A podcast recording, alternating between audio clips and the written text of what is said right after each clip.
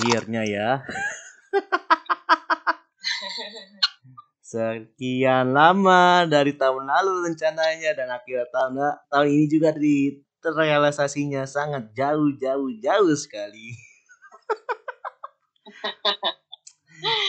Gimana kabar? Gimana kabar? Baik baik baik baik. Oke, ini sinyal? Aman. aman. Aman ya. Kalau baterai? Baterai aman lagi lagi di kamar juga. Oke, kalau hubungan? Aduh. Ah, gue tahu mas, gue tahu jawabannya tapi nggak usah lu publish. Oke, nah ini tadi mau opening dari podcast gue pasti lu tahu lah opening. Yang kita juga udah pernah collab juga pas di Ena Podcast. Dan mari kita mulai. Hai, my name is Benan, welcome to this podcast dan gue mengajak orang ini kembali ke tapi beda podcast ya hitungannya. Jadi ini gue mengajak lu ke podcast anak, anak rantau. Yang gue tahu kan lu akhirnya merantau juga untuk dapat cuan di luar negeri. Dan coba lu jelasin dong introduce lagi lah, introduce nama lu, kenalin diri nama lu siapa, umur lu berapa, kesibukan lu lulusan lagi ngapain, dan lu merantaunya ke negara mana? Coba, waktu di tempat itu silakan Chan. Halo, nama gue Cantika. Uh, 25 tahun. Udah tua ya. Uh, gue sekarang lagi di... Gue sibuk kerja, pastinya. Gue sekarang lagi di Doha, Qatar. Hmm, oke. Okay. Ini aja. Ini udah bulan atau tahun ke berapa? Bulan ini bulan ke-6. Baru 6 bulan, baru bentar. Hmm, oke. Okay. Kan di yang season sebelumnya yang di uh, di anak podcast kan kita bahas tentang toleransi lah yang tentang hidup lu gimana. Nah, ini kalau podcast orang tahu ini ya simpel-simpel aja ya, nggak usah terbebani dengan diri lu sendiri. Lu sharing aja pengalaman lu atau mungkin perjuangan lu sebagai anak rantau untuk mendapatkan cuan di luar negeri, gue juga kaget sih. Lu tiba-tiba dapat aja gitu loh di Qatar gitu loh. Iya, iya.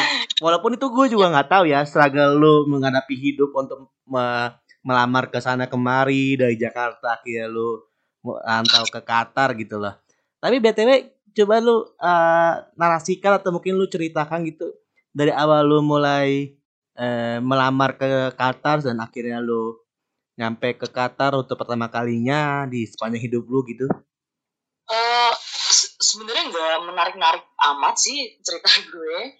Cuma tahun lalu bulan apa ya? Gue kan masih di perusahaan lama di Jakarta.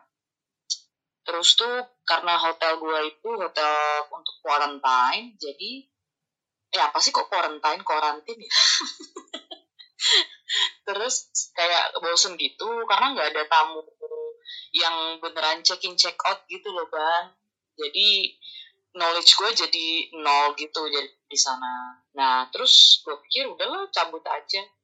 Udah gue iseng lamar-lamar sini situ kalau ada ada apa namanya ada uh, vacancy gue masukin aja tapi gue emang uh, udah ada minat buat keluar sih dari Indonesia. Karena waktu itu kan eh, tahun lalu itu kan ya waktu zaman-zaman Juli sampai September itu kan lagi krisis banget ya Indonesia untuk pariwisatanya. Jadi gue pikir udahlah keluar aja. Terus untuk pengalaman juga udah gue minatin aja untuk orang eh, untuk vakansi-vakansi yang di luar gue applyin semua ada beberapa interview sih beberapa pokoknya beberapa tawaran sih. Udah deh terus beberapa kali interview terus dapat beberapa terus tinggal pilih aja sih waktu itu. Waktu itu dapat tiga empat hotel. Uh, tapi tetap eh, empat hotel tuh Kuwait Qatar sama Dubai. Uh, untuk untuk ngelamarnya sih gue tetap ngelamar di pertama gue ngeliat di LinkedIn ya pasti ya yang untuk ngirim ke CV ke email itu langsung yang kedua ke ini taleonya kayak uh, misalnya akor carrier, merit carrier kayak gitu gitu. Ya nggak usah gue sebut lah pasti anak pertama juga udah tahu. Terus sudah yeah. beberapa kali interview, berapa kali interview, terus tinggal pilih sih waktu itu tinggal pilih Kuwait, Qatar, Dubai. Nah waktu itu sih pemilihanku yang pertama pasti ya salary ya Iya gak sih? Pasti salary yang paling tinggi. Uh-huh. Terus yang kedua karena gue traveling sendiri kak jadi gue mikir untuk keamanannya kayak gimana gue pikir sih setelah gue banding bandingin uh, Qatar lebih ini sih lebih menjanjikan kayak gitu Hmm. Bukan berarti dalam artian kan bentar lagi kan nih ada ada juga nih Piala Dunia 2022 kayak 2022 ya yang di Qatar. Nah, itu berpengaruh juga nggak sih dalam lu menentukan pekerjaan lu di Qatar kayak di Doha gitu? gue gue jujur aja gue nggak tahu ya waktu itu kalau FIFA bakal di sini kan World World Cup bakal di sini gue taunya tuh tahun lalu bulan Oktober November lah waktu gue udah masuk gitu terus mereka baru announce gitu kalau Qatar tuh jadi official tuan rumah untuk Piala Dunia kan. Mm-mm. terus ya kan gue nggak gue saya nggak ngikutin olahraga banget. Gue cuma ngikutin volley doang tapi gue nggak ngerti tuh Piala Dunia kayak gitu tuh gue nggak ngerti. Hmm. nah terus baru dia dia kayak cerita gitu Piala Dunia tuh kayak gini gini kayak gitu gitu. Gitu terus kayak yang yang bakal super duper busy setahun. Terus, oh ya udah. Ya udah gitu doang. Tapi untuk proses peng gue masuk ke sana itu eh, bukan karena gue mau ngelihat World Cup bukan karena gue bukan yang suka suka banget sama olahraga sih cuma gue mikirnya itu yang tadi gue bilang faktor salary sama eh, safety aja sih di situ Hmm. Berarti emang prinsip dalam hidup lu realistis aja ya. Kalau ada cuan lebih tinggi, pilih aja gitu ya. jelas kayaknya semua orang kayak gitu kan Iya, iya, betul, betul. Bahkan yang di eh, episode yang lalu, gua kan kolaborasi sama teman gua. Dia itu kan hitungannya baru fresh graduate, dia dari Bandung. Kenapa dia milih gua awet di Surabaya? Ya itu salah satunya itu dapat ya mungkin dapat salary lebih tinggi lagi gitu loh daripada. Mm. Walaupun bisa dibilang kan ya Bandung, Surabaya ya beda-beda ya naik naik juga sih tapi nggak terlalu signifikan juga ya. Oke deh. Nah, jadi gini loh Chan. Eh coba lu ceritain dong proses lu misalnya dalam artian eh, lu dapat visanya gimana atau mungkin lu paspornya gimana dan akhirnya penerbangan lu dari Jakarta ke Dubai itu berapa lama? Nah, itu coba ceritain dong. waktu itu gue juga salah satu faktor untuk menentukan pekerjaan gue tuh yang harus dapat semua gitu yang semua akomodasinya eh, dari tiket visa semuanya harus diurus. Jadi gue kan gue orang nggak mau ribet ya ban. Jadi gue nggak mau urus visa sendiri. Ini kayak itu kayak gue nggak mau. Jadi salah satunya ini eh, perusahaan gue yang sekarang tuh bener-bener ngasih semua yang gue mau. Bener-bener semua. Bener-bener semua. Jadi gue nggak ngurus apa-apa. Gue cuma ngasih paspor data-data gue, visa semua eh, bener-bener diurus sama mereka. Bahkan nih Ban, kalau mau tahu, eh, kan gue kan waktu itu hotel karantin ya waktu di hotel eh, Jakarta. Mm-mm. Jadi gue tuh kerjanya kayak eh, sebulan kerja, habis itu libur. Nah, sebulan kerja tuh bener-bener gue kan karantina di di hotel itu. Terus nanti habis gue libur, itu tuh gue gue pasti tuh dapat liburnya cuma yang dapat tiga empat hari doang. Nah orang-orang yang lain tuh dapatnya seminggu dua minggu. Nah gue kan dapatnya segitu doang. Otomatis libur gue tuh masih numpuk banget gitu. Sampai in the end of the day-nya, gue tuh dapat libur tuh masih 30 hari. Eh enggak sih 27 hari. Gue masih 27 harian libur tuh masih ke pending gitu. Karena gue nggak libur-libur. Terus PH gue, AL gue, banyak kan waktu di hotel itu. Terus eh, ini sampai manajer gue nih, ini harus se- segera dirilis karena eh, bulan apa tuh harus nol lah semuanya. Nah terus di in the middle of uh, that situation, gue kan dapat ini nih opportunity ini. Terus gue langsung langsung ngasih surat resign. Hmm. Nah waktu gue ngasih surat resign, lu tau gak? Proses visa, itu proses visa tuh udah mau selesai. Hmm. Jadi tuh gue bener-bener cepet banget prosesnya pengrekrutannya cepet banget. Sampai gue tuh mikir ini tuh jangan-jangan eh, pengrekrutan bodong kali ya ini ya. Gue sampai takut kayak gitu tau gak sih? Karena Hmm. saking cepetnya. Hmm. Gue dapet visa tuh nggak nyampe nggak nyampe seminggu lah pokoknya. Nggak nyampe seminggu prosesnya tuh langsung dikasih terus langsung ditanyain e, mau flight tanggal berapa? Karena gue tuh terakhir interview tuh Agustus Agustus awal lah belasan gitu. Nah itu gue masih libur tuh. PH PH gue masih dikeluarin terus ditanya mau flight tanggal berapa? Gue bilang September aja awal. Oh yaudah ya tanggal satu. Udah gue langsung dapat tiket tanggal satu gue pada saat mereka nanyain flight ticket gue baru ngasih surat resign. Hmm. gitu. Gue baru ngasih surat resign terus karena libur gue banyak banget manajer gue baik banget. Udah langsung dirilis saja jadi kamu gak usah langsung clearance saja jadi kamu gak usah balik lagi ke Jakarta. Karena gue rencananya kalau misalnya gue udah kerilis udah uh, clearance langsung gue balik ke kampung gue terus nanti balik ke Jakarta buat flight kayak gitu ceritanya. Terus ya puji Tuhan dapat sih kayak gitu. Udah lihat semuanya diurus semuanya benar diurus. Visa apalagi uh, karan karantin di sini kan harus karantin dulu ya waktu itu ya. Gue September tahun lalu gue masih karantina di sini. Hmm. flight tiket semuanya benar-benar semuanya diurus. Hmm. terus apalagi gue cuma ngurus pertama tuh waktu itu gue cuma pasti perpanjangan paspor. Hmm, perpanjangan paspor yang pertama yang kedua gue masih baru tahu sih. Jadi waktu itu ada anak Indonesia yang udah berangkat dulu terus gue mau tanya-tanya tuh gimana sih waktu itu proses apa pemberangkatan? Pada zaman itu kan masih benar-benar ketat banget ya benar-benar yang harus ini itulah. Iya betul betul. gue vaksin udah dua kali. Gue vaksin udah dua kali puji Tuhan.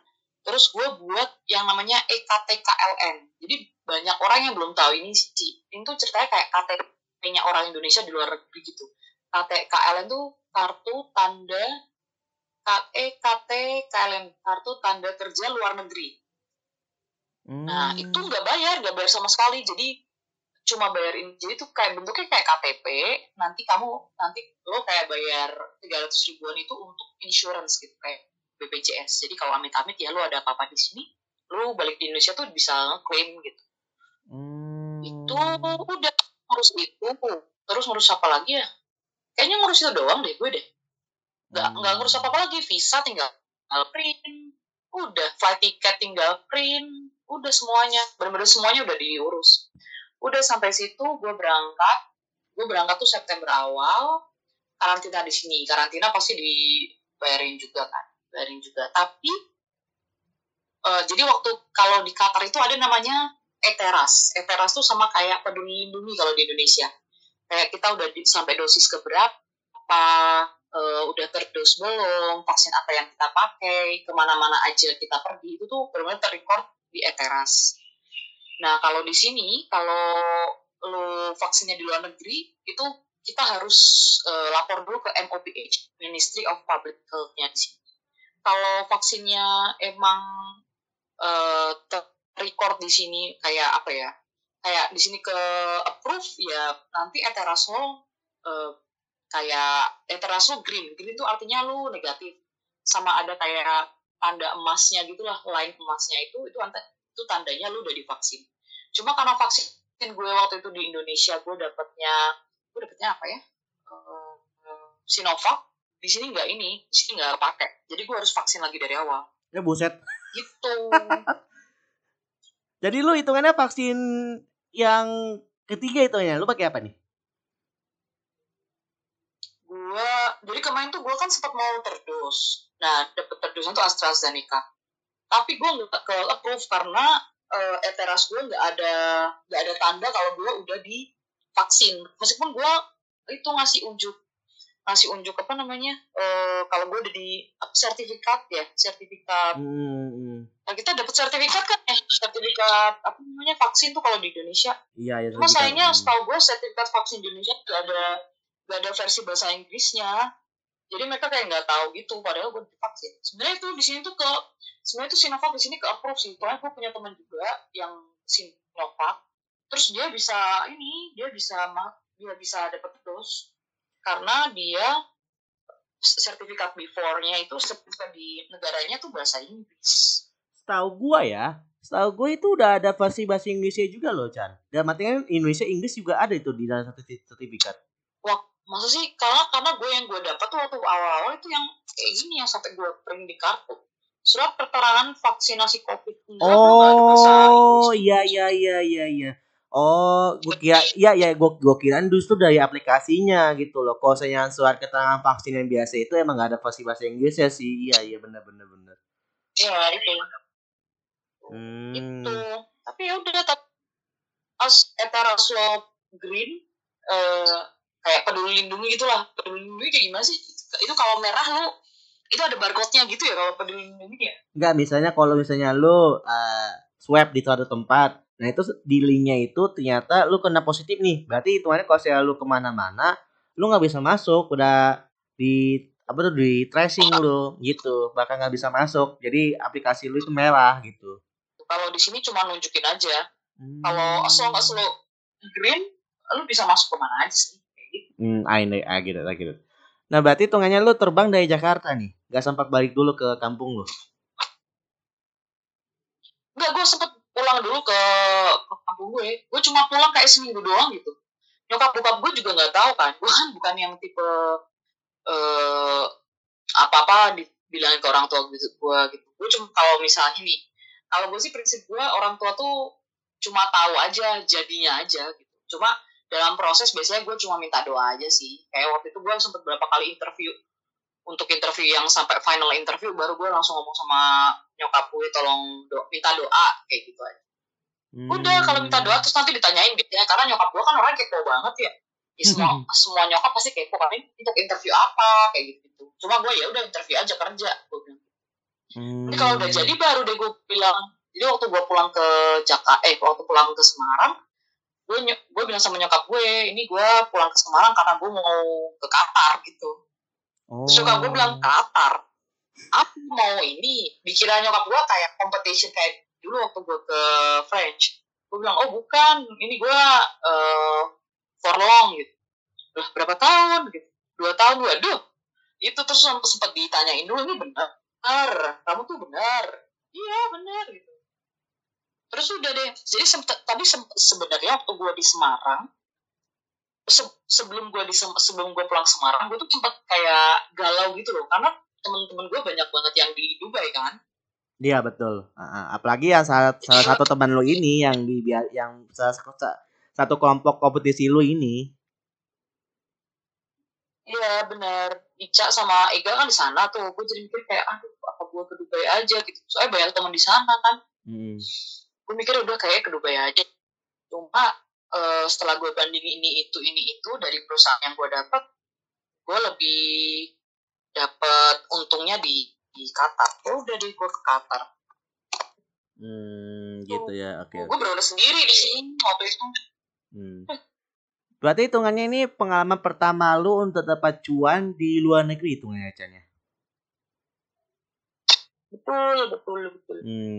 Gimana sih tanggapan orang tua lu mengenai eh, apa tuh rencana lu ya bisa dibilang di kontrak 2 tahun lah ke Qatar gitu. Sempat ngomong-ngomong gitu doang ya? Atau mungkin ada perdebatan lainnya gitu. pasti ya pasti ada perdebatan. Karena kan gue cewek nih. Tapi tuh eh, karena dari dulu tuh gue tuh nggak pernah pulang ke rumah kan. Jadi dari tahun 2015 gue kan udah di Bandung tuh. Rumah kan di Semarang. Nyokap Hmm. bokap tuh sampai bilang kamu tuh eh jadi jarang pulang gitu loh. Gue anaknya jarang pulang. Apa tuh kuliah dulu kan gue ini organisasi ya jadi Hmm. waktu untuk libur tuh benar-benar dipakai untuk kerja gitu. Ya mau pulang pasti mau pulang gitu. Cuma eh, kalau kerjaan belum beres gue nggak bisa pulang karena pasti ada tanggung jawab yang harus diselesaikan dulu kan. Hmm. nah terus kayak nyokap gue kamu tuh beneran ini mau ke ke Qatar gitu? Kamu beneran? Gitu. Karena waktu itu kakak gue mau ke Jambi aja dilarang gitu. Ini apalagi gue gitu. Tapi karena mereka sudah terbiasa dengan tidak ketidakadaannya gue ya ketidakada hadirannya gue. Jadi kayak ya udah deh gitu. Kan gue juga udah bilang dari dulu kalau eh, gue tuh mau kerja di luar karena gue harus ada the experience gitu. Karena gue mau dapat belajar eh, gue mau dapat pelajaran dari luar negeri. Karena pasti beda eh, culture-nya untuk kerja sama orang Indonesia dengan luar negeri gimana. Biar mindset gue kebuka gitu kan Hmm, I know, I get it, I get it. Hmm. Iya, karena dulu waktu gue jadi waktu gue kerja di tahun 2019 itu gue sempat mau flight ke eh, Maldives. Gue udah tinggal tanda tangan kontrak dah pokoknya udah mau tinggal flight aja. Orang tua gue nggak boleh karena gue belum graduation di sana di eh, STP. Hmm, gitu. Baru tahu gua ada rencana Tuh, begituan. ya, ya udah pokoknya udah inilah udah cocok banget lah itu gue. Gaji oke semuanya oke lah pokoknya perusahaannya jelas ini itu pokoknya tinggal berangkat gitu. cuma waktu gue diskus orang tua gue bilang nggak boleh karena lo belum wisuda gitu lah. Gue udah lulus ya tapi gue mau wisuda gitu. Oh ya udah. Nggak jadi. Terus waktu gue berangkat ke Qatar gue bilang ini harus diizinin karena kemarin alasannya wisuda. Kalau ini nggak ada alasan lagi. Itu langsung mereka iya iya iya gitu. iya. kan mereka kayak oke oke. Gitu udah deh gue berangkat. Walaupun bisa dibilang nih uh, spoiler terus ya, sorry kok saya bagi namanya Ega gua gibahin. Setahu gua si Ega itu belum wisuda loh. iya iya iya. Iya iya gue juga gue juga denger denger kayak gitu.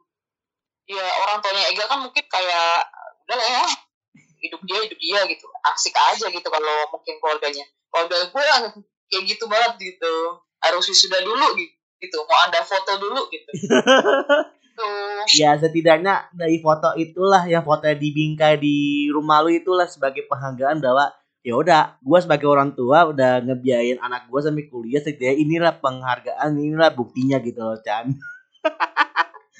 Ya. walaupun bisa dibilang wisuda Ya, itu cuma formalitas doang kan? Iya udah. Gue bener-bener gue abis wisuda gue langsung bilang sama nyokap gue ini kalau gue mau ke mana-mana jangan dilarang lagi ya. Gue bilang kayak gitu. Buset sampai lu bikin statement begituan doh iya karena menurut gue hidup kalau di Indonesia tuh boring banget sih. Anjay kenapa tuh? Itu kan pilihan. Enggak enggak maksudnya pilih itu pilihan ban. Sumpah ini, ini pilihan. Kalau gua gua enggak gua enggak ngejudge yang kayak oh, lu kerja di Indonesia doang? Enggak gua juga nyaman banget kerja di Indonesia. Apalagi dengan makanan Indonesia ya. Kan suka banget sama makanan Indonesia ban gua jadi kayak kalau di situ kayak mikir kayak gue kerja di sini capek-capek untuk liburan di Indo gitu. Tapi tuh eh, beside of them ya karena gue juga mau cari pengalaman sih. Hmm, aja. Oke oke oke. Nah berarti hitungannya lu sempat balik dulu ke Semarang dan itu lu flightnya itu pas banget tanggal 1 Mei. Eh itu 1 September ya? 1 September kemarin ya? ya betul betul Hmm oke. Dan i- lu berangkat dari Jakarta ke Qatar itu berapa lama perjalanannya? waktu itu tuh gue dapet tiketnya tuh transit di Dubai jadi gue dapet tiket dari Jakarta sebenarnya gue bisa sih berangkat dari eh, Semarang Semarang ke Jakarta Jakarta langsung ke Qatar kayaknya ya. Soalnya teman gue ada tuh yang di Bali pakainya murah rai transit Jakarta langsung ke Qatar. Nah gue di Jakarta gue tuh ke Jakarta dulu. Gue kan mau ketemu teman-teman gue dulu ya mau apa namanya farewell. Karena nggak ada yang tahu gitu langsung ini apa apaan sih? gitu. Pada kaget gitu lu mau ke mana? Kayak gitu Hmm. ya udah gue pulang ke Semarang ke Jakarta mau ngobrol dulu sama temen-temen maksudnya setidaknya ada waktu lah buat sama teman-teman yang terdekat aja udah langsung gue berangkat Hmm, gitu. Enggak, maksudnya perjalanan lu itu dari transitnya dari Dubai ke Qatar itu berapa makan waktu berapa lama itu? seingat gue 8 jam sih dari sini dari Jakarta ke Dubai itu kayaknya berapa ya? 6 gitu. Lupa gue 6 jam. 6 jam. Ya 6 jaman kayaknya. Terus dari Dubai ke Qatar kayaknya dua, dua jam. Gue lupa sih 7 atau 8 jam nggak tahu. Cuma waktu di Dubai gue transit cuma sejaman doang. Sejaman doang. Hmm, oke oke. Dan akhirnya lu nyampe juga ke Qatar, itu lu disambut dari pihak hotel lu gawe itu buat eh, buat ke mesnya dia lah hitungannya gitu. enggak enggak enggak karena kan itu masih proses karantinanya masih ketat banget wa- waktu zaman itu ban jadi gue cuma dijemput sama driver driver hotel karantina gue udah gue langsung karantina 11 hari Oh, terus kalau saya udah kelar, hitungannya lu disambut lagi sama dari pihak hotel lu gitu. Iya betul, baru dia disambut, dijemput, disambut. Hmm. Asik sih di di apartemennya disambut kayak gitu-gitu, di welcome. Hmm, gitu. Dan lu setelah di karantina 11 hari itu pas hari ke-12 itu langsung gawe lu. Oh enggak, enggak. Gue hari ke-11 kan gue cabut. hari ke-12 gue iya iya iya langsung gawe langsung gawe gue bener-bener langsung gawe Hmm, ya nggak mungkin dong. Misalnya kayak hari ke hari ke-13 atau hari ke-4 ke-14 langsung gawe gitu loh. Ya lu lumayan loh 11 hari di hotel nggak ngapa-ngapain. Masa iya dikasih waktu lagi buat apa? Buat istri istirahat dulu lah gitu. hmm. Iya ya, gue langsung langsung gawe. Uh, tapi uh, hitungannya jabatan lu yang di Indonesia sama di Qatar ini sama juga di front office hitungannya. Betul. Hmm, kirain teh emang ada peningkatan gitu loh. Kata sama juga. Karena tadi kan lu bilang kan cuma ke Qatar cuma nyari experience doang kan? Yap, yap, yap. Gue hmm. gak sebenarnya kalau gue gue tipenya nggak yang nggak tahu sih ya gue bukan yang yang kayak gue kayak berubah sih. Kalau kalau dibilang orang ya kayak yang lu kok nggak kayak gitu lagi sih? Gitu. Gue sekarang karena gimana ya cara jelasnya juga susah juga sih. Dulu gue kayak ambisius parah gitu. Gue kayak ambisius parah sama hidup gue gue yang kayak tertata gitu kayak yang harus ini itu ini itu gitu. tapi tuh ketika gue menata itu tuh e, menurut gue kayak ya gue menata oke okay, gitu. Tapi apakah itu kehendak Tuhan juga? Apakah semesta juga menyambut itu dengan baik mendukung itu dengan baik? Kan enggak kan terus gue capek gitu. Capek kayak yang ah gue tuh kayak berharapnya banyak banget gitu. Ketinggian ini itu. Jadi gue sekarang ya bang bukan yang kayak ambisius sama hidup gue. Gue kayak yang ya udah gitu. Santai nggak bohong gue nggak yang kayak gue nggak mau dapet promosi atau enggak nggak mungkin lah. Hidup manusia nggak mungkin nggak pingin kayak ada peningkatan dalam hidupnya. Tapi gue kayak yang menikmati aja. Kayak ya udah kalau misalnya gue dapet ya dapet. Kalau enggak ya udah nggak apa-apa. Hmm. Yang penting yang penting kalau sekarang ya kalau sekarang ini kan kalau dibilang sih uh, gue hidup dengan tenang, happy, yang penting itu aja. Yang penting happy dulu sih karena kalau nggak happy, aduh berat, uh, kasihan sama diri lo sendiri. Hidup susah-susah tapi nggak happy kan kasihan. Hmm. Udah ketambah sama realita ya Cin, Chan. Makanya bilang kayak gitu ya. iya betul, makanya udahlah ngikut Gusti Yesus aja mau maunya gimana biasanya kalau kata-kata begituan pasti udah kata masa kata apa sama realita gitu iya iya iya umur umur segini kan ter apa tertampar-tamparnya ya. Ya kata orang-orang sih. Apalagi tadi kita bilang tadi kan lu sempat bilang kan bahwa lu interest lu kan 25 tahun. Nah itu orang-orang bilangnya itu quarter life crisis crisis gitu loh. Ya semacam itu. Semacam itu. Nah kan itu kan tadi kan lu sempat ceritain juga kan bahwa eh, ini pengalaman lu merantau untuk dapat cuan di luar negeri. Itu lu masa ada kata shock gitu gak sih Chan? Dari dari su, dari segi suhunya dari segi orang-orangnya atau mungkin dari makanannya gitu loh. Suhu kultus sama orang-orangnya gitu. Hmm, culture shock pasti ada sih. Karena kan ini kan eh, termasuk Qatar itu kan termasuk Middle East ya. Middle East kan termasuk negara yang suhunya ekstrim kalau dingin dingin banget kalau panas panas. Waktu gue ke situ sampai di summer September. Orang-orang sih sama September tuh udah better banget. Tapi gue ke sini tuh udah kayak gue jalan keluar satu langkah bener-bener gue udah keluar semua keringat gue jadi pasti kalau dibilang culture shocknya nggak ada nggak mungkin. Karena kita kan menginjak negara yang berbeda dengan cuaca yang berbeda. Kecuali kalau misalnya lu pergi kayak sama-sama di Southeast Asia kayak di Thailand, Filipina, Malaysia itu sama-sama aja. Cuma di sini beda. Terus makanannya pasti iya karena di sini makanannya tuh pertama pasti nasi ya. Karena nasinya kan gue pakainya jasmine rice. Di Indonesia kan kita jasmine rice. Nasi kecil-kecil gitu. Nah di sini tuh kebanyakan mereka pakai basmati gitu basmati rice. Nasi yang kayak gede-gede tau gak sih? Berasnya gede-gede gitu. Hmm. oh, nah kayak gitu.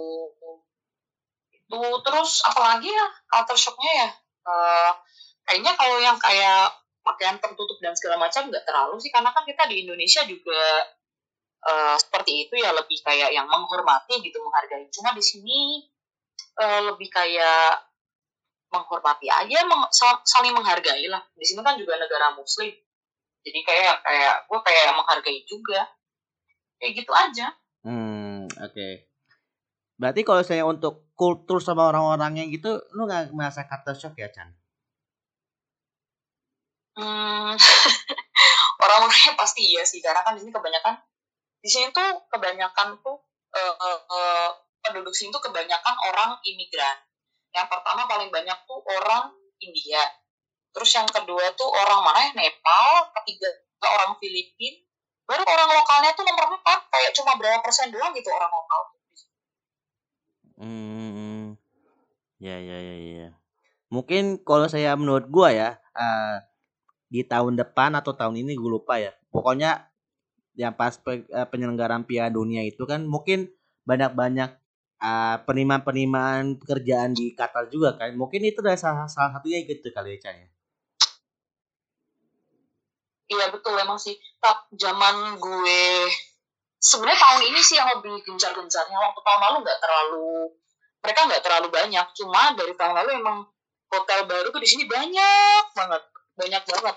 Kayak yang uh, inilah pokoknya yang ba banyak banget uh, pembangunan gitu. Hmm. Terus udah apa namanya kayak tahun ini sih banyak pengrekrutan gitu kayak udah lo sini berangkat nih ke sini ke sini gitu. Berarti hitungannya yang lu gawe ini termasuk hotel baru atau hotel lama? Hotel gua sih termasuk hotel baru sih ya.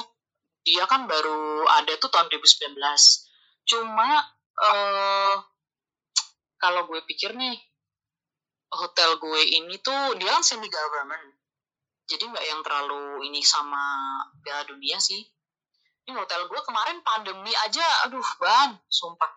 Jadi kalau hotel gue ini eh, apa namanya customer customernya tuh kebanyakan guest gue itu kebanyakan orang lokal.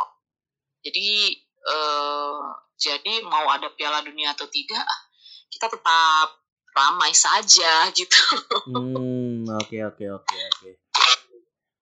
Nah eh gue nggak tahu nih apakah iya. pertanyaan tepat pertanyaan gue berikutnya ini tepat untuk lu apa yang enggak nih menurut lu?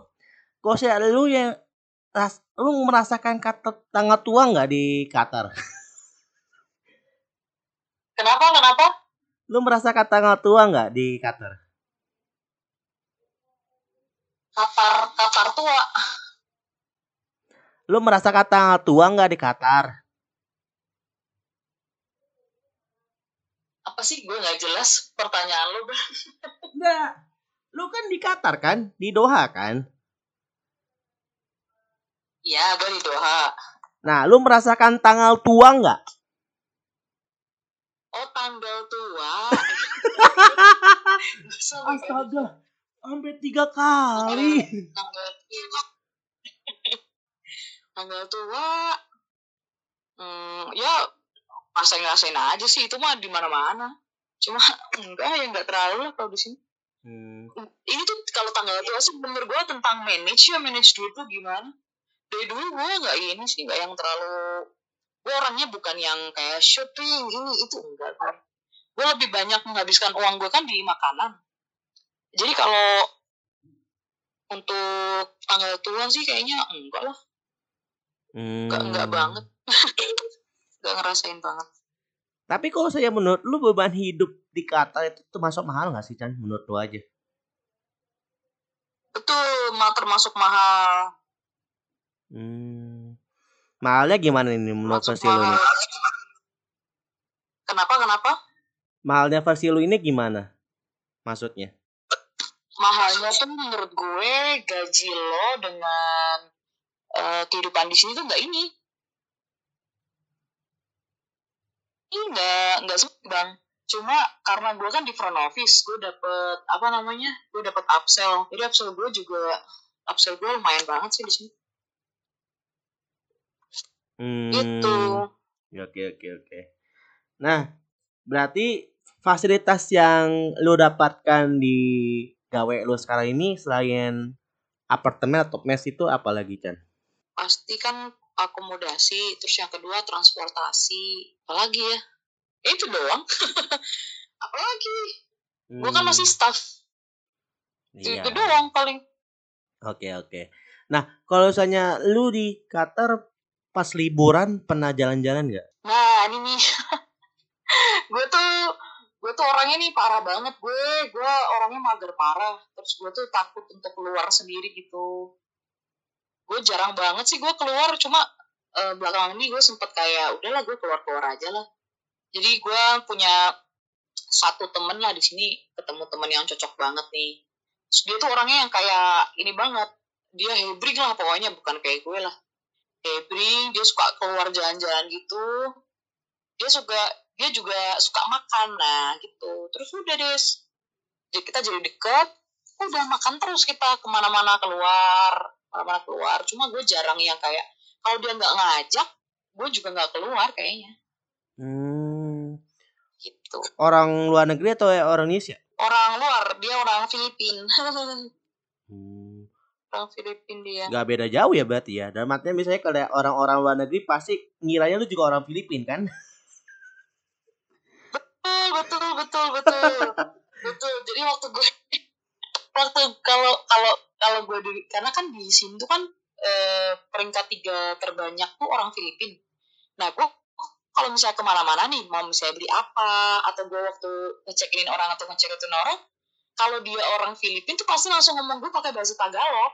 Gue langsung ya sorry gue nggak bisa bahasa bahasa lo bro gue bukan Filipin bro iya iya iya. Itu termasuk banyak stereotip juga sih yang gua apa ya? Gua review-review yang gua selidik-selidikin. Emang terkadang orang-orang luar negeri bahkan orang nilai kayak kita termasuk satu ras dari Tagalog juga dan artinya kita juga satu ras dari Filipina juga gitu loh.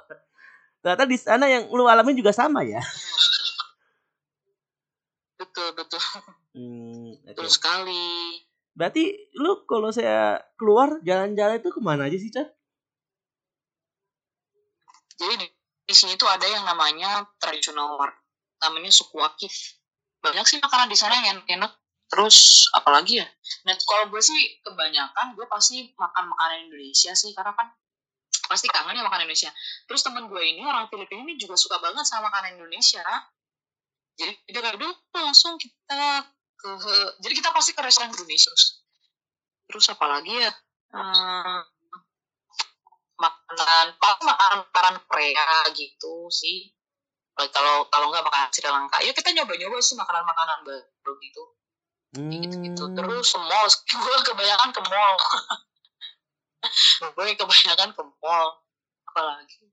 Nggak nggak ini sih. Gue di sini nggak yang ekspor banget sih ban gue tahu gue bakal nyesel nanti suatu saat tapi untuk gue masih enam bulan